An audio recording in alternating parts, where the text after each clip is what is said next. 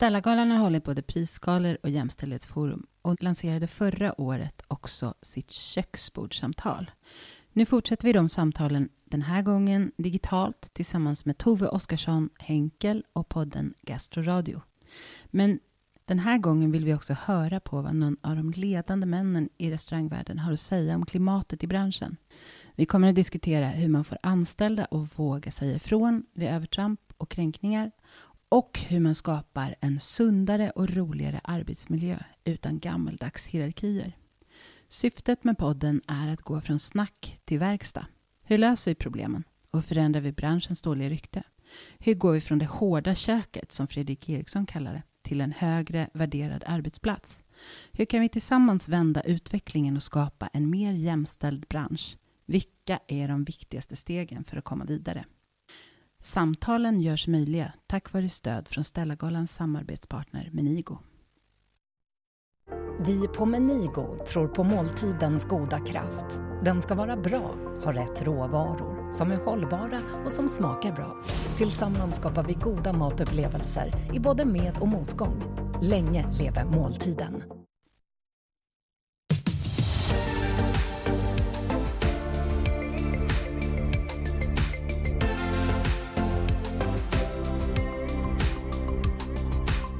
Där är Stellagalan i Gastroradio. Idag med Caroline Nordefors. En kock som har måltider för äldre som hjärtefråga. Hon har framgångsrikt satsat på vällagad, säsongsanpassad, näringsrik samt hållbar mat. För det har hon blivit belönad med White Guide Seniors, Årets seniormåltid 15, 17, 18 och 19 samt blivit Årets seniorkock år 2016. Hon arbetar även som föreläsare och skribent och har stor erfarenhet av både tävlande och juryarbete. I Stellagalan har hon ansvar för sociala medier. Hon och kocken och restauratören Tom Sjöstedt kommer att prata om hur man kan få fler kvinnor att tävla samt vikten av jämlika jurygrupper. Varmt välkommen hit Tom Sjöstedt. Tack så mycket. Vad roligt att du är här. Vi är ju här på Clarion Sign tillsammans med Tove Oskarsson Henkel. Hej hej! Och vi har ju väldigt intressanta ämnen att diskutera idag. Men jag tänkte Tom, du får väl berätta vem du är för lyssnarna. Ja, Tom heter jag. Driver Lilla Ego här i Stockholm. Och ehm, ja, det finns ju inte mycket mer att berätta. Eller? Eller? Jag vet Är det inte. så? Nej, ja. Du har gjort lite tv-program. ja, lite tv och så liksom, absolut. Tävlat lite matlagning både med landslaget och Årets Kock. Och, Mm. ja, Så därför är ju vi här och pratar om just tävlingar och juryarbete ja, idag. spännande. Ja, jättespännande. Jag eh, vill ju prata om det här för att det har ju funnits ett problem väldigt länge. Ett problem som kanske inte har blivit så mycket bättre, eh, även fast man har diskuterat det mycket. Och det är väl framförallt liksom kockar som är kvinnor inte tävlar. Ja, Eller varför de inte kommer upp i de stora tävlingarna. Och eh, jag pratade lite med Katarina Westlund på Dackeskolan som är kocklärare. Och hon sa ju att tjejer behöver ju verkligen förebilder i branschen för att, att tävla. Men också att de behöver en helt annan stöttning än vad killar behöver. Och om man ser till eh, de kocktävlingar som är i skolan så är det ju nästan 50 procent tjejer som tävlar. När man kommer upp i årets unga kock som är upp till 27 så är det bara 20 procent. Och sen dalar det ännu mer. Vad tror du det handlar om? ja du, Stor fråga. stor fråga. Ja. Ja. Ja, ja, ja, det är ju hur svårt som helst Mm. att svara på, alltså, absolut. Och det, är ju, det är ju förmodligen då många tjejer då som försvinner på vägen helt enkelt. Ja, vad är det som händer? Ja, det, det är ju en jättebra fråga. Mm. Man skulle kunna säga då att restaurangbranschen i sig är ju ganska jämställd om man nu ser allting till offentlig sektor och hela den biten. Mm. Vad vi pratar om nu är kanske de här liksom de lite mer spjutspetsrestaurangerna, kvällsrestaurangerna där eh, då ja, kvinnor inte finns på samma sätt som kockar kanske liksom som män. Och det är oftast de som tävlar också, speciellt då Årets Kock. Mm. Och då blir det ju mer män som ställer upp automatiskt, eh, Ja. som det ser ut idag. Jag tror ju inte att det saknas kvinnor som är tävlingsinriktade. Men jag tror kanske det som, som skiljer sig från skolans värld är att där har du mentorer och stöttning hela, hela, hela tiden. Mm. Men man kanske saknar det. alltså även om det är färre kvinnor så, så kanske man inte har den backupen att Ja, nej, det stämmer nog. Pushas eh, Och det stämmer framåt. nog eh, för alla kockar kan jag säga det, tror jag, rätt av. Nu är ju vi en krog Legos där vi själva har tävlat, både jag och Daniel, och vi tycker det är jättekul Mm. när kockar tävlar. Vi uppmuntrar. Sen måste ju alla kockar göra det på sin egen tid, men vi kan hjälpa till med våran expertis och, och råvaror och sådana saker och med kök och provsmakning och sånt. Vi uppmuntrar ju det. Eh, och det spelar ingen roll om det är kille eller tjej, vi uppmuntrar. Vi tycker det är jättekul när folk tävlar. Nu är det ju otroligt många restauranger idag som inte tycker det är kul när kockarna tävlar. För det tar för mycket fokus, för mycket tid från den egna restaurangen. Och, och det har vi ju märkt de senaste åren att eh, överlag att det är så. Många stora kockar som har själv tävlat och alltihopa låter inte sina egna kockar tävla och då får man ingen stöttning oavsett. Eh, Och då måste man kanske mer då gå in och skaffa sig eget team eller om man nu vill tävla. Så att, eh, det är ju väldigt olika hur, eh, hur man ser på det där. Precis, man såg ju också att det dalade enormt ansökningarna till Årets kock. Ja, Eh, kan det ha någonting med det Nej, att men det är ju nog, ja, det kan det ju göra, absolut. Det kan det ju vara, för att det var ju, var ju någonting som vi gjorde med flit. Just att höja åldern på inskicket. Först att du måste vara svensk medborgare och att du måste vara 23 år. Eh, Och där kanske försvinner väldigt många, eh, självklart. Förut har du sökt folk som har varit 18, 19, 20, 21, 22. Men samtidigt så vill man att du ska inte tävla årets kock kanske när du är 19 år och gått ut skolan. Utan eh, du måste liksom skaffa dig erfarenhet och börja jobba och ja, mer kunskap och, och då kan man söka till årets kock. Ja, Så att, eh, att, att vi har mindre som söker, det är ju bara positivt. Bättre att ha kvalitet än kvantitet. Ja, det, ja, det är spännande. Men vad tror du ändå man kan göra för att, att få in mer kvinnor? För vi behöver ju verkligen kvinnor som är förebilder på den nivån. Ja, ja För det verkligen. är tjejer kommer ju inte tävla om man inte ser att det finns några tjejer som tävlar. Nej, nej. Nej, det är svårt och det är ju en förändringsprocess som kommer ta väldigt, väldigt lång tid. Det här är ju, jag tycker ju ändå någonstans att de senaste två åren när det har hänt, det har hänt väldigt mycket, om, absolut, det kanske har hänt för lite, men det händer saker eh, och sen kanske det måste hända snabbare, men det kommer ju vara en lång process. Jag tror ju någonstans att eh, måste ju in fler kvinnor som vill tävla, inte som måste tävla bara för att kvinnor ska tävla, utan man måste vilja tävla. Ja, ja, I ja. matlagen måste också vilja lägga ner den tiden, man måste vilja kämpa för det, för det är jäkligt tufft alltså, oavsett om du är man eller kvinna, att eh, ta den all tiden och, eh, och lägga ner.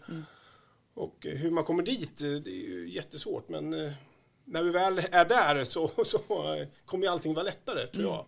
Ja, absolut. Jag ser bara till min egen, nu har inte jag tävlat på den nivån, men i, i White Guide-grejerna. Och där handlade allting om att jag hade en chef som pushade och verkligen ville att nu tar vi det här steget, nu tävlar vi och jag var liksom på och verkligen körde. Ja. Och har man det hela vägen, då tyckte ju, alltså jag att det var mycket enklare. Sen är ju jag en tävlingsmänniska och vill vinna, vilket är positivt i sig då, om man nu ska upp på Jo men absolut, och det är exakt det är lite grann som, som eh, det är hos oss. Alltså vi, vi tvingar, alla tror ju bara, ah, ska du börja på Lego då måste du tävla matlagning. Men så är det absolut inte. Det är tvärtom. Man skulle kunna Däremot tro det. uppmuntrar vi det, för vi tycker det är jättekul. Ja. Alltså det händer saker, det snackas mat, det testas eh, nya grejer, nya rätter. Mm. Det är ju superroligt, tycker vi. Men det är många som inte tycker det. Nej. Nej, för det måste ju vara utvecklande för restaurangerna Ja, ja absolut. Att- Liksom, det händer någonting. Ja. Alltså, det för oss är det vardag, man går och preppar, man kör kväll. Det, det händer inte så mycket. Nej. Byter inte rätter så ofta. Så att, eh, när det händer sådana grejer så är det ju alltid roligt. Vi har haft jättemånga som tävlat. eh. Nu har det inte varit de senaste åren för att ingen vill. Nej. Och då kan inte vi bara, men nu måste du tävla. Utan vill du tävla, då pushar vi, då hjälper vi till så gott vi kan. Men vill man inte, så... Och det har ju varit mycket det här snack om man har ju pratat om det här i eh, åratal, Ja, ja. liksom, om man ska liksom ha liksom wildcards och kvotering och man ska liksom bjuda in vissa som får tävla. Och jag säger inte att det finns något rätt och fel i det, men någonstans så ligger det hos individen själv. Vill jag tävla? Tycker det är kul att tävla? Orkar jag eh, lägga ner all den tiden och fokus på det? Och det är där man måste utgå från. Ja. Men det, det har inte varit något så PR-mässigt för liksom, om man ändå får in en person i, som finalen så är det en bra... Jo, absolut. Det är jättebra. Ja, men vi har varit jätteglada när vi har haft kockar som har gått till final. Eh, Ett år hade vi tre kockar Ja. i final. Nu är det ju bästa som hänt. Nu är vi ju full på krogen ändå, men, men eh, ändå. Det, det, ja, men det spelar ingen roll. All eh, bra marknadsföring är ju bra marknadsföring och det var ju superkul. Och det kommer nog inte hända igen, men det var ju jävligt tufft dock. Ja. Alltså, det var lite väl många. Och det här är ju, kommer ju till krögarna ute i landet själva att man kanske ska tänka på det, att eh, pusha fram sina kockar, manliga och kvinnliga liksom, och, och verkligen uppmuntra dem att tävla. För jag tycker att det är utvecklande och det kan gynna sin egen, sin egen restaurang också. Inte bara se att det här är bara dåligt för restauranger och tar för mycket fokus från eh, arbetet och så, utan se det som är positivt. Det- Där kan man utgå ifrån, Precis. tycker jag. Ja. Caroline, du gillar ju att tävla. Hur ser du på det här med eh, varför det är så få kvinnor som tävlar? Jag menar, du måste ju ändå befinna dig i en eh, omgivning med många kvinnor. Och kan du förstå varför de inte vill tävla? Eh, först så tror jag det handlar om inställning och vad man har för stöttning. Jag har väl inte alltid blivit så väl mottagen i, framförallt när jag vann så många år i rad, så fick man frågan, eller jag fick påståenden att nu är det väl ändå dags för någon annan att vinna. Och då kände jag så här att, skulle man säga det till en kille? Eller säger man det till Zlatan? Så, nej men Zlatan, nu är det dags för det andra laget att vinna. Utan den som är bäst är väl bäst. De andra får ju höja sig då, känner jag. Men eh, i den klassen jag tävlar så är det ju ganska mycket kvinnor som jobbar som kockar i äldreomsorgen. Men också en hel del män såklart. Men vi har varit kvinnor i toppen väldigt många år. Vilket är fantastiskt roligt. Men hur skulle du vilja pusha kvinnor att tävla? Genom att vara en förebild. Absolut. Det försöker jag vara via sociala medier och dela med mig av recept. Och jag utbildar ju väldigt mycket kockar inom äldreomsorgen. Och där man oftast jobbar själv. Man har ingen som helst nätverk med att komma framåt eller få nya idéer. Så att jag i alla utbildningar försöker skapa nätverk. Och också ta upp de problemen som finns. Och också pusha till att eh, tävla och informera att de här tävlingarna finns. För det är inte alla som vet. Så att det tycker jag är viktigt faktiskt. Nej, men jag tyckte att ni båda hade en poäng när ni pratar om det här till exempel med Årets kock. Jag tänker vi ska komma tillbaka till Årets kock sedan, för det har ju funnits en ganska stor debatt den senaste tiden. Eller bland annat en artikel i Svenska Dagbladet. Men jag tänkte just det här att det är väldigt ofta man lägger så här, hur ska vi få fler kvinnor till Årets kock? Men det handlar ju också om kanske ett annat ansvar från, som du säger, krögarna. Alltså från krogarna. Det måste finnas andra sätt att få in kvinnor till Årets kock än bara liksom Årets kock gör sin grej. Det finns väl fler som kan hjälpas åt här. Jo, men det är ju klart, all, det här är ju inget problem en person kan lösa. Det ju, krävs ju ett enormt teamwork och inte bara Årets kock utan det är ju mycket, mycket större än så. Nu pratade jag med, eller chattade med Louise Johansson igår som var med i finalen förra året. Eh, och hon, jag frågade henne bland annat vad skulle göra att hon tävlar igen. Och hon sa att det mest avgörande var att juryn skulle vara 50-50 män kvinnor ja, kan man göra det så är väl det fantastiskt. Och det är ett ämne vi ska prata om mer också. Men vad, vad tror du Tom? Ja, absolut. Allt är ju möjligt. Det finns ju ingenting som är, eh, man kan säga nej men det går inte. Eller allting går ju om man bara vill. Det handlar ju bara hur man ska göra det och på vilket sätt man ska... Nu är inte jag juryordförande, du ser juryn, men det här är nog inte någonting juryordföranden bestämmer i sådana fall, utan det blir nog högre upp i sådana fall som går in och säger det här. Jag måste också bara säga, jag tyckte med Louise där, alltså superkul att hon eh, ställde upp och gick till final och gjorde bra ifrån sig. Men sen har vi då eh, år två då. Otroligt tråkigt att hon gick vidare. Men eh, det blir ju med de här bedömningarna då som är... Man vet ju inte vem som skickar in. Och skulle du veta det, då skulle du kunna pinpointa kvinnor och gå vidare om man nu ville det. Men eftersom det är hemligt så har du ju ingen aning vilka som går vidare till semifinal då i Årets Kock. Och det blir ju efteråt, får man se. Ja. Nu gick ju inte Lis vidare i år, föll ju på målsnöret där tyvärr. Och ja, jättetråkigt men så blir det ju. Det blir lika för alla. Ja, och det tror jag kvinnor vill ha. Ja. Vi vill ju tävla på lika villkor. Sen fanns det ju en tid då det fanns tävlingar enbart för kvinnor, vilket jag tror är positivt också. Nu har det ju kommit en kommistävling bara för eh, unga kvinnor. Vilket är, tycker jag är fantastiskt för att de får ändå lite solljus på sig och man visar att de finns. Men just med juryarbetet, eh, alltså det är ju inte bara Årets kock utan det finns ju enormt många tävlingar där man inte tänker på en jämnt fördelad jury.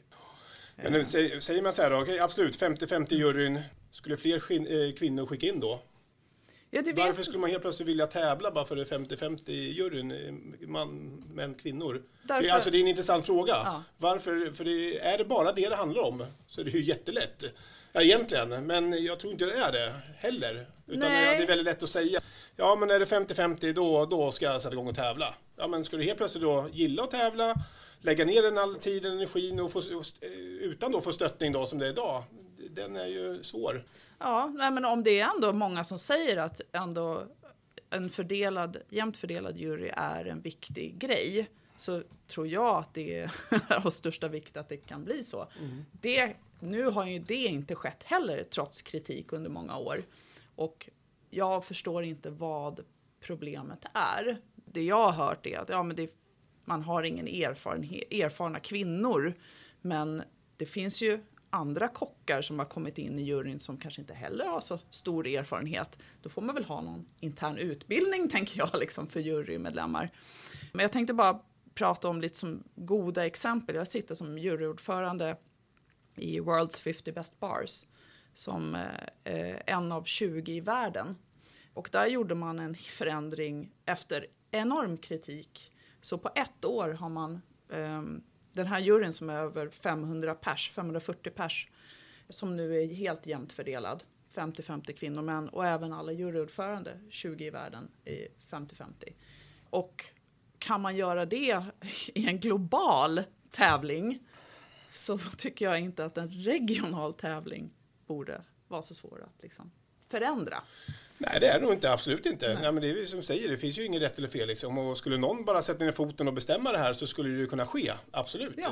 Det Men varför liksom- görs det inte? Ja, det är ju frågan till mig. Alltså, jag, jag vet inte. Utan, nej, men det har ju varit det som du varit inne på. Man har ju, det finns ju många sätt att vrida och vända på det här och ändra hela jurystrukturen. Mm. Ja. Och det är ju ett väldigt stort steg, men det kan ju göras. Mm. Absolut. Det är, ju, det är ju bara att någon bestämmer att nu är det här som gäller och så går man efter det. Ja.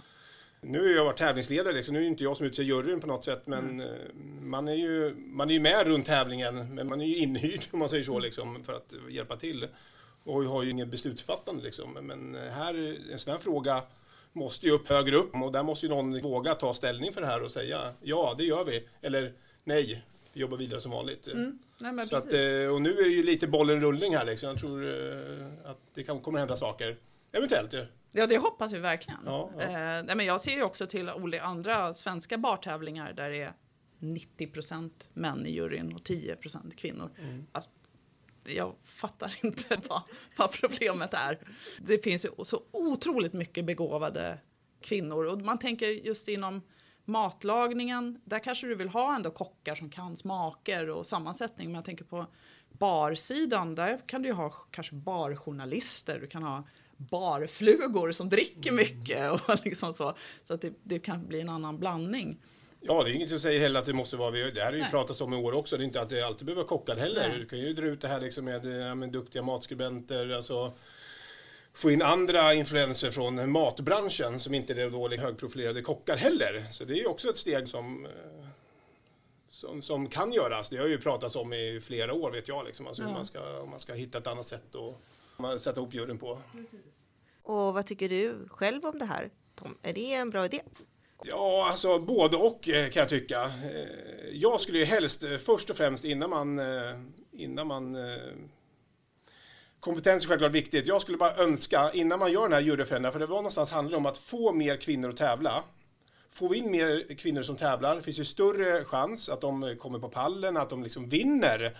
Och helt plötsligt automatiskt då får vi ju in fler kockar som kommer då kunna sitta i juryn automatiskt. Vi ser ju nu Saori sitter i juryn, varit med och tävlat och kom på pallen, superbra. Florence har ju inte tävlat men hon är liksom köksis på en enstjärnig restaurang, högprov, eller, eh, jag har ju Florencia som då eh, köksmästare på Ekstedt, enstjärnig. Och det behövs ju mer kvinnor av den kalibern. kan jag tycka. Och det hade ju varit otroligt kul om folk bara, tjejer, ville tävla mer. Så det blir i alla fall en 25 procent och då finns det större chans att man går till final, det finns större chans att man vinner. Jag hade höga förväntningar på Jess i år, tyckte hon är jätte, jätteduktig. Tyvärr så, hon hade, jag vet inte hur långt hon hade tagit sig faktiskt om hon eh, hade kört vidare där så nu blev det som det blev. Men, men eh, riktigt duktig och fina recept och mm, jävligt nära, jättesynd. Mm.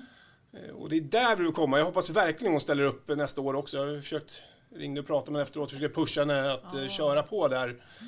Och det hade varit jäkligt kul. Mm. Så att, ja, så att, jag vet inte om det var svar på din fråga. Mm. Men... Eh, Nej, kanske inte riktigt, men ett bra försök i alla fall. Ja, nej, men jag, jag, säger, jag är inte emot eller för någonting, utan eh, jag känner ju att det här blir så stort och, och bestämmer någon att det ska vara 50-50 juryn, att man kör det, fan, jag kommer stå bakom det. Men eh, det är inga... Alltså så jävla livsviktigt är det liksom. Det är Årets Kock, det är bara en tävling. Jag menar, det är ju... Man pratar ju väldigt mycket om Årets Kock och det är fortfarande bara en tävling någonstans. Jag menar restaurangbranschen, det problemet kanske är större då att det är eh, mindre kvinnor som slår sig fram i då restaurangbranschen på de fina restaurangerna. Det tycker jag är lite värre än just Årets Kock som egentligen är då en frivillig tävling om du vill oh ja. tävla i. Så det är ju, men som också får väldigt mycket uppmärksamhet. Ja, alltså den syns ju medialt och de som, den som vinner får ju mycket, mycket PR och, och sådär. Så det är ju en viktig tävling, framförallt som en förebild. Men jag, jag tänker just på, som du pratade med Jessie där, att skulle du kunna liksom ändå stötta henne ännu mer? Eller vad, vill hon ha någon typ av mentor eller har hon stöttning så att hon skulle kunna komma framåt? Ja, jag vet inte, jag tror hon har fått väldigt mycket hjälp. Mm. Det märktes på hennes sätt att jobba och, och verkligen järnkoll på hela strukturen och logistiken och, och så. Sen, sen har det ju också pratats mycket om att vi som har vunnit ska gå ut som mentorer till alla tävlanden. Det kan ju vara något bra det också. Samtidigt är det väldigt konstigt eh, på ett sätt också. För att eh, alla som tävlar har ju någon slags eh, matlagningsfilosofi. Men om jag skulle stötta Jesse där så med min matlagningsfilosofi skulle det säkert bli mischmasch. Och man lagar ju olika mat. Så det är ju däremot liksom så kan man ju säkert lära ut hur man, hur man tävlar och hur man ska tänka. Mm. Det kanske var lite lättare förr dock, men nu är juryn lite annorlunda. Det är en modernare jury idag än det kanske var för tio år sedan. Det har ju hänt ganska mycket där också. Även om det inte är så mycket kvinnor så är ju juryn i alla fall yngre. Och det blir ju så efter ett tag att man måste kanske ändra lite. Så att, eh, ja den är svår den där frågan också. Mm. Alltså hur mycket man kan stötta och gå in och, och hjälpa till när andra kockar tar fram sina recept. Ja, det är ju likadant även hos oss nu. Det är ju många som tävlar hos oss är influerade den maten vi lagar men den maten räcker ju inte i tävlingen utan det måste ju vara extremt mycket vassare och mer spjutspets än, än det vi gör på Lillego. Till exempel. Men däremot vet, ju, vet man ju själv vad man, vad man tycker om och, och, så. Men sen är det ju kocken som tävlar. Det är den som har sista beslutet i allting. Det kan inte stå någon bakom där och, och säga vad du ska göra och så står kocken som tävlar där att ja, men jag är inte 100% nöjd med det här men de tycker det. Mm. Eh, och det går inte utan det måste vara passion hela vägen. Ja, nej, jag håller fullständigt med. Att man måste ha sin egen personlighet i det man levererar i de här tävlingarna, helt klart. Jag tänkte bara komma tillbaka till det vi pratade om med den här artikeln då, eller de här två artiklarna i Svenskan. Det ena var ett upprop och det andra var en artikel om Årets kock. Tror ni att det kommer att påverka branschen nu? Ja, kanske. Jag tyckte första artikeln där med, med, med uppropet tyckte jag var jättebra det är ju bra att man eh, säger ifrån och att det händer någonting. Sen med det här artikeln med Kock, ja, det kan man ju säga vad man vill om. Jag tycker det tar tyvärr fokus då från eh, det här uppropet, eller upproret, eller vad säger man? Mm, ja. att, Manifest. Eh, alltså manifestet. ja. men jag tycker det tar, tar fokus från det lite grann. Jag tycker det var tråkigt att det kom så nära en på. Tycker att det, och den artikeln Kanske inte hundraprocentig, men absolut, man dundrar på när man har chansen och det finns ju, nu är det ju gjort ju. Men jag tycker att den ja, hade man kunnat vänta med faktiskt någon månader eller ett par månader och tagit lite senare för att det, det blir liksom två stora saker som och där eh, manifestet är ju större tycker jag. Årets kock är ju fortfarande en frivillig tävling som mm. man tävlar i, man tycker det är kul att tävla. Eh, och sen finns det mycket att säga om det uppenbarligen eftersom det kommer en artikel om det, självklart. Men eh, ja, så tycker jag. Ja. Eh, jag tycker manifestet var fantastiskt. De nio punkterna eh, som togs upp tycker jag alla är eh, jätte, jätteviktiga. Och ändå häftigt att det blev så mycket uppmärksamhet kring det och att folk reagerar. För det var ju det man vill. Att branschen förstår att det här är ett så stort problem och att det är något som måste diskuteras och eh, arbetas vidare med. Och som, som andra gäster har sagt också, att man aldrig slutar diskutera det. Utan hela tiden fortsätter prata om hur man ska arbeta. Så att vi behåller kvinnorna i branschen framför allt. Ja, och det gör vi kanske också. Det är det som är alltså det, är det vi pratar med Årets Kock och hela biten. Det blir ju den här lilla spjutspetskvällsrestaurangerna. Men när ser vi överallt så är det så mycket kvinnor, men många, både män också, väljer ju att sluta jobba kvällar och gå ner och jobba dagtid. Det kan vara konferensgårdar, det kan ju vara inom, eh, ja, men inom den offentliga sektorn och alltihopa. De finns ju där. Men det är den här lilla klicken vi pratar om, att du ska stå där och jobba kvällar och helger. Och det är ju på de fina restaurangerna man gör det. Så att, eh, det är den lilla klicken egentligen av restauranger som oftast då tävlar Årets Kock också. Och det blir lite missvisande. Även om det fanns några killar som jobbar på andra, helt andra ja, absolut. restauranger ja, absolut. och, och det har ju blivit, frilans och Ja, absolut. sådär, och det har ju blivit mycket, mycket mer. Och det är väl lite så också att eftersom du kanske får en stöttning från krögaren då på de här då restaurangerna vi pratar om mm. så kanske du måste kliva av, bli frilans, byta jobb, få stöttning någon annanstans mm. för att du får inte den hjälpen på den krogen du står på för de uppmuntrar inte att du tävlar vare sig du är man eller kvinna och då måste du hitta andra vägar om du nu vill tävla. Precis. Jag kan ju tänka mig också att det blir ännu svårare nu i och med pandemin. Att det inte finns varken pengar och tiden läggs med fullt fokus på att verkligen ha, ta hand om de gästerna man har på krogen. Ja. Och det är många som får gå också. Så att vi får ju verkligen se hur det ser ut nästa ja, år. Samtidigt skulle man kunna också säga att det frikörs ju ännu mer tid. Alltså, det är mycket korttidspermitteringar, mm. du är ledig. Du skulle ju faktiskt kunna vända på det och säga att nu, fan, fan, nu finns det chans att köra det här året. Alltså. Det, det kan man ju också se. Mm. Du var inne på det förut, det här med eh, kvinnlig komitävling. Sen finns det också World 50 Best har ju sin kvinnliga kockutnämning. Och det här har ju också kritiserats eh, mycket i eh, media, i matvärlden. Ska man verkligen ha det här typen av tävlingar för bara kvinnor och så vidare? Caroline, du är väldigt för det. Jag tänkte bara höra lite vad ni tycker. Om eh, renodlade kvinnliga kocktävlingar? Ja. Och utmärkelser. Och utmärkelser. Eh, det fanns ju en kvinnlig kocktävling före, Årets Vilhelmina va? Tror mm. den hette. Precis. Och den lades ner, jag vet inte varför men, men eh, jag antar, jag antar, finns det så behövs det ju. Det är ju lite så. Och någonstans kanske det inte skulle behövas egentligen. Om man ser om 10, 15, 20 år då kanske. Om vi tittar på det loppet. Att man faktiskt ska kunna tävla tillsammans. Men eh, idag är det väl inte så. Och då är det kanske bra att det finns. Ja, den, är, den är ju svår den frågan också. Ja, men jag tänker bland annat på, det finns ju då, om jag säger det 50 bäst, finns det ju kvinnor som inte ens har velat ta emot den utmärkelsen. För de tycker att den är nedvärderande. Ja, ja, precis. Eh, jag hörde också det att man valde att inte ta emot priset för att det var, för att du var kvinna som du vann det här. Någonstans så måste vi ändå få fram förebilderna och om de inte kommer fram i de traditionella tävlingarna så vet inte jag hur vi ska få de unga tjejerna på skolorna att liksom ta sig igenom tuffa praktiker, de här tuffa åren innan man kommer vidare inom restaurang eller hamna på en restaurang där man verkligen får visa framfötterna. Jag tror verkligen de behövs. Och alltså de här skoltävlingarna som jag pratade med Katarina Westerlund om, jätteviktiga. Och den komitävlingen också. Och där de, alltså Tilda som vann är ju en av Sveriges bästa. Så verkligen förebild. Ja, nu får inte hon tävla Årets Kock ju för Nej. att eh, hon är för ung ju. Mm. Och det är ju en av de reglerna som har ändrats på. Alltså hon måste ju vänta några år. Men det är ju perfekt. Då är det ju bara för henne att eh, jobba på, skaffa sig mycket erfarenhet, kunskaper. Sen kommer hon bli livsfarlig. Tror jag.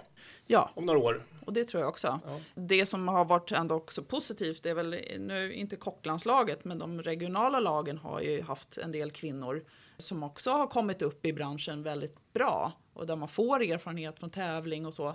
Tyvärr så har väl inte så många det är väl Emma som har tävlat i Årets kock egentligen som har täv, liksom tävlat i, i kocklandslaget och eller de andra lagen. Men där hade man ju också sett att man på ett annat sätt kanske kommer in och får den erfarenheten för att sen kunna ta sig vidare. Ja, inte. landslagen och de regionala lagen är en jättebra plattform att att förstå tävling och tävlingsformen och sådana saker. Och det är, alla sådana saker ger ju också erfarenhet. Eh, då, alltså, Absolut, den största erfarenheten är ju att jobba på krogen och eh, lära sig och jobba på år på ett bra ställe, gå vidare, lära sig vidare och få skaffa sig mycket, mycket kunskap. Men den här med, med regionala lagen och landslagen, det är ju det här extra. Och det märker man ju också de som tävlar årets kock, liksom, som har varit med i landslaget. De är ju väldigt, väldigt duktiga alltså. Om inte annat på liksom hur man jobbar i köket med logistik, ordning och reda som också ger poäng. Ja, Så, eh, Verkligen. så är det, är det verkligen. det var intressant tycker jag faktiskt i årets tävling att se de poängen på de som verkligen har tävlat i lagen. Ja, Eh, alltså de stod ju i en helt annan klass för sig. ja. Och det blir ju så också, liksom, är du väldigt duktig på logistiken och, och, och så, då får du också mycket mer gjort. Och det är exakt ett vanligt restaurangkök också. Kan du planera ett arbete, struktur, så får du ju dubbelt så mycket gjort som någon som kanske är lika duktig, men som har väldigt svårt att organisera sig när man jobbar. Ja, det är grejer överallt och man liksom kanske inte har den split vision riktigt. Så att, eh, i tävling så är det ju extremt viktigt och, och den hjälpen får man ju då lära sig med då, speciellt landslaget då, som är, där de är extremt duktiga på det. Ja, jag hoppas ju verkligen, nu vet jag att de söker kockar till många lag. Så att jag verkligen uppmanar tjejer att söka. Det, det vore så roligt att se en framtid där. Jag tänkte Tom, du har ju som vi pratade om haft många tävlande i Årets Kock. Du gillar ju det här med tävling helt enkelt. men vad skulle du ge för råd till exempel till, eh, ja, men till andra krögare som skulle kunna pusha fram ja, både kvinnor och män, men kanske i det här samtalet då mest vi tänker på kvinnor. Ja, ja. Nu har ju, jag vet inte, har du pushat fram någon kvinna än eller? Nej, vi, nej det, det har inte blivit. Vi har inte haft någon tyvärr. Nej, men det, sker, men det sker ju uppenbarligen på samma sätt. Så att, Ja. eh, Men hur, vad skulle du ge för råd? Vad skulle du säga till de andra krögarna här ute? Hur ska de eh, pusha sina anställda till att kanske vilja tävla? Jag tror att man måste vända på hela steken när man tänker just runt Årets Kock. Eh, man får ju också se att för 20 år sedan, 15-10 år sedan var Årets Kock det enda sättet typ att lyckas eh, i Sverige. Typ att eh, skaffa sig ett namn, en karriär, kunna öppna krog. Så är det ju inte längre. Så Årets Kock är ju, har ju inte kanske det samma mandatet som det hade då när det gäller sådana saker. Idag kan du liksom öppna krog, du kan bli tv-kändis, du kan vara med i Sveriges Mästerkock, du kan liksom göra så otroligt mycket andra saker och lyckas utan Årets Kock. Det ska man ju ha med sig, så att eh, allting är lite svårare idag än kanske var för 10, 15, 20 år sedan. Men jag tror man ska vända på steken som jag sa, att man ska tänka annorlunda. Vad kan Årets Kock göra för mig som krögare? Och, och vara lite positiv runt det. Har jag duktiga kockar som jobbar på min arbetsplats, hur kan jag pusha dem? Vad, vad, vad kan jag få ut av det också? Förutom då att självklart är det ju kocken som kommer stå där och tävla och vinna. Går det att lösa? Händer det saker på jobbet? Kommer vi kunna prata mer mat? Kommer det testas grejer? Det, och försöka se lite annorlunda och plocka fram fem, sex punkter som är, ja, om jag nu pushar de här personerna, liksom, vad blir det positiva effekten då? Och inte tänka på det negativa. Att man bara, nej men ta fokus på restaurangen och ditten och datten, utan eh, nej, vända på det helt enkelt. Att eh, skriva ner allting som är positivt eh, och se till att det blir bra och man gör, frigör. Men tiden liksom är absolut, det köper jag. Man behöver inte stå på arbetstid. Utan ska man tävla måste man ju kanske stå på sin fritid efteråt. Och råvaror finns ju, det behöver inte vara så dyrt att tävla i Årets Kock. Det var ju, förr var det ju det också när man då hade värsta uppsättningarna. Man var tvungen att komma med typ egna grillar och liksom för att det ska liksom bli effekt. Och, nu har man ju också försökt förenkla det, liksom, att det är en tallriksservering, såsa par för att alla ska ha råd att tävla i Årets Kock. Det är ju mycket därför. Det är inte lika häftigt i Årets Kock längre som det kanske var för många år sedan när man fick ta med sig hur mycket grejer som helst och servera framför juryn och stå och tranchera. Utan där har vi gjort det minimalistiskt för att det inte ska kosta så mycket pengar och det är inte lika effektfullt, absolut inte. Men det finns ju en tanke bakom det mesta som görs i alla fall. Sen om inte alla förstår det så, så vet ni det nu. Eh, men att, eh, att vända på det och tänka positivt, det, det, ja, annars får de liksom då dela på prissumman då, i värsta fall. Får det vara. Ha det som morot. Ja, ja, men alltså det är ju morot, eh, pengar, ja det är väl Ja. morot också. Oh, ja. menar, det, är ju, det är ju ändå en kvarts miljon man vinner eh, om man tar hem Årets Kock och ja, 50-50. Ja, det, ja precis. Ja, men varför inte? Ja, nej, liksom? men alltså jag vet inte, det är ju, allting är ju möjligt. Det är Ja. ju bara hur man, eh, man, vad man får inställning till det och Ja. vad man tycker. Ja. Jag tycker det är jättetråkigt att det är så många krögare som, inte, som tycker att det är helt värdelöst och, och inte vill köra alls. Och, Men samtidigt får jag respekt för det också för att många gillar inte att tävla och tycker liksom det är blaj blaj att tävla så att det är ett konstigt sätt att laga mat eh, på.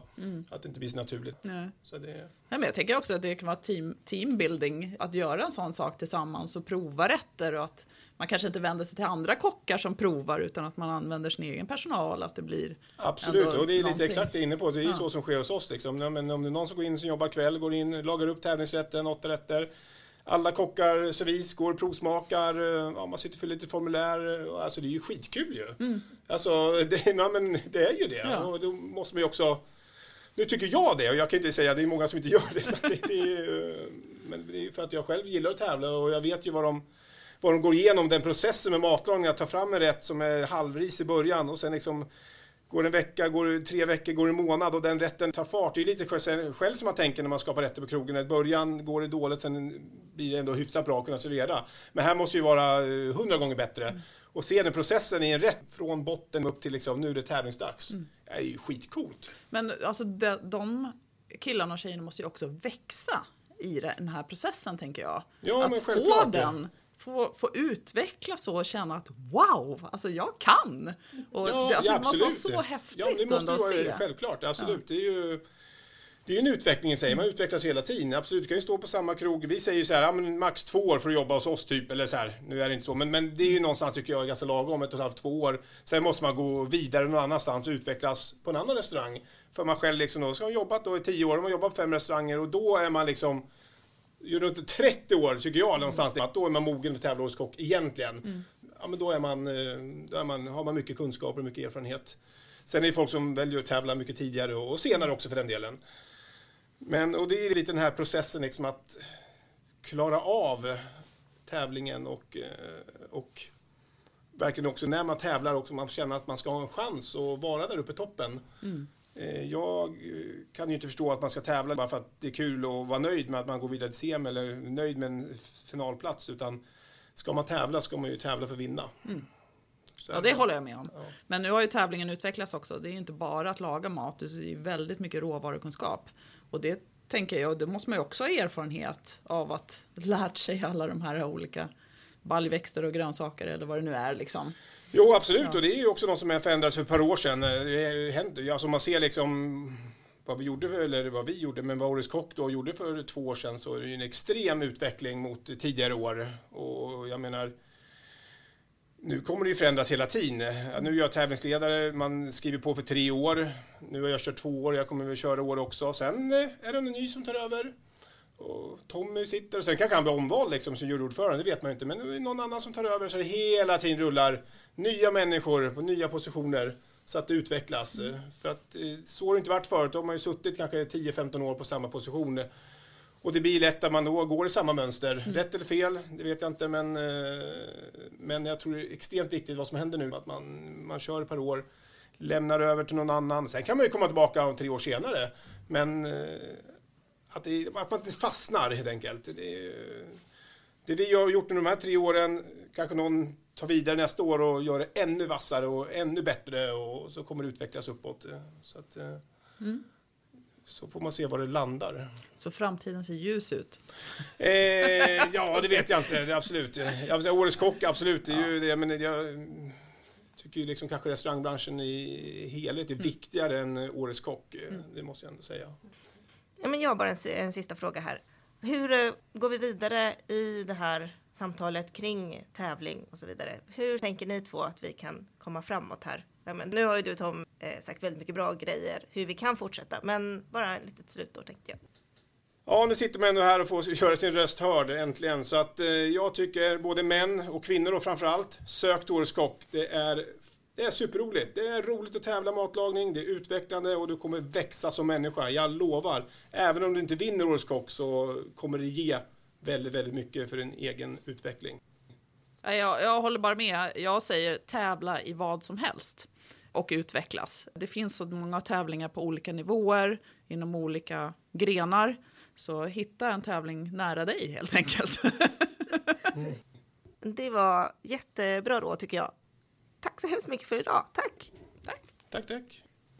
Ställargalan tackar Tove Oskarsson Henker för att vi fick ta över podden Gastroradio under de här viktiga samtalen runt köksbordet. Vi tackar även Fredrik Eriksson, Stefan Ekengren, Stefan Eriksson, Johan Gottberg och Tom Sjöstedt för att ni ville vara med. Samtalen har gjort möjliga tack vare stöd från Stellagalens samarbetspartner Menigo. Stellagalens arbetsgrupp består av Anette Rosvall, Caroline Nordefors, Ida Ström, Anna-Antonia Svedberg, Maja Bertas, Ella Nilsson, Anita Lindström och Anna Lindlevin. Om du vill komma i kontakt med oss, kommentera, diskutera eller kanske bara säga hej så finns vi på stellagalan.se eller på alla sociala medier som just Stellagalan. I nästa Stellagalans podd kommer Anita Lindström och Fredrik Eriksson prata om ledarskap och skapa en trygg miljö. Hur bör en ledare arbeta för jämlikhet och mot sexuella trakasserier? Och hur tar man upp saker direkt när de händer?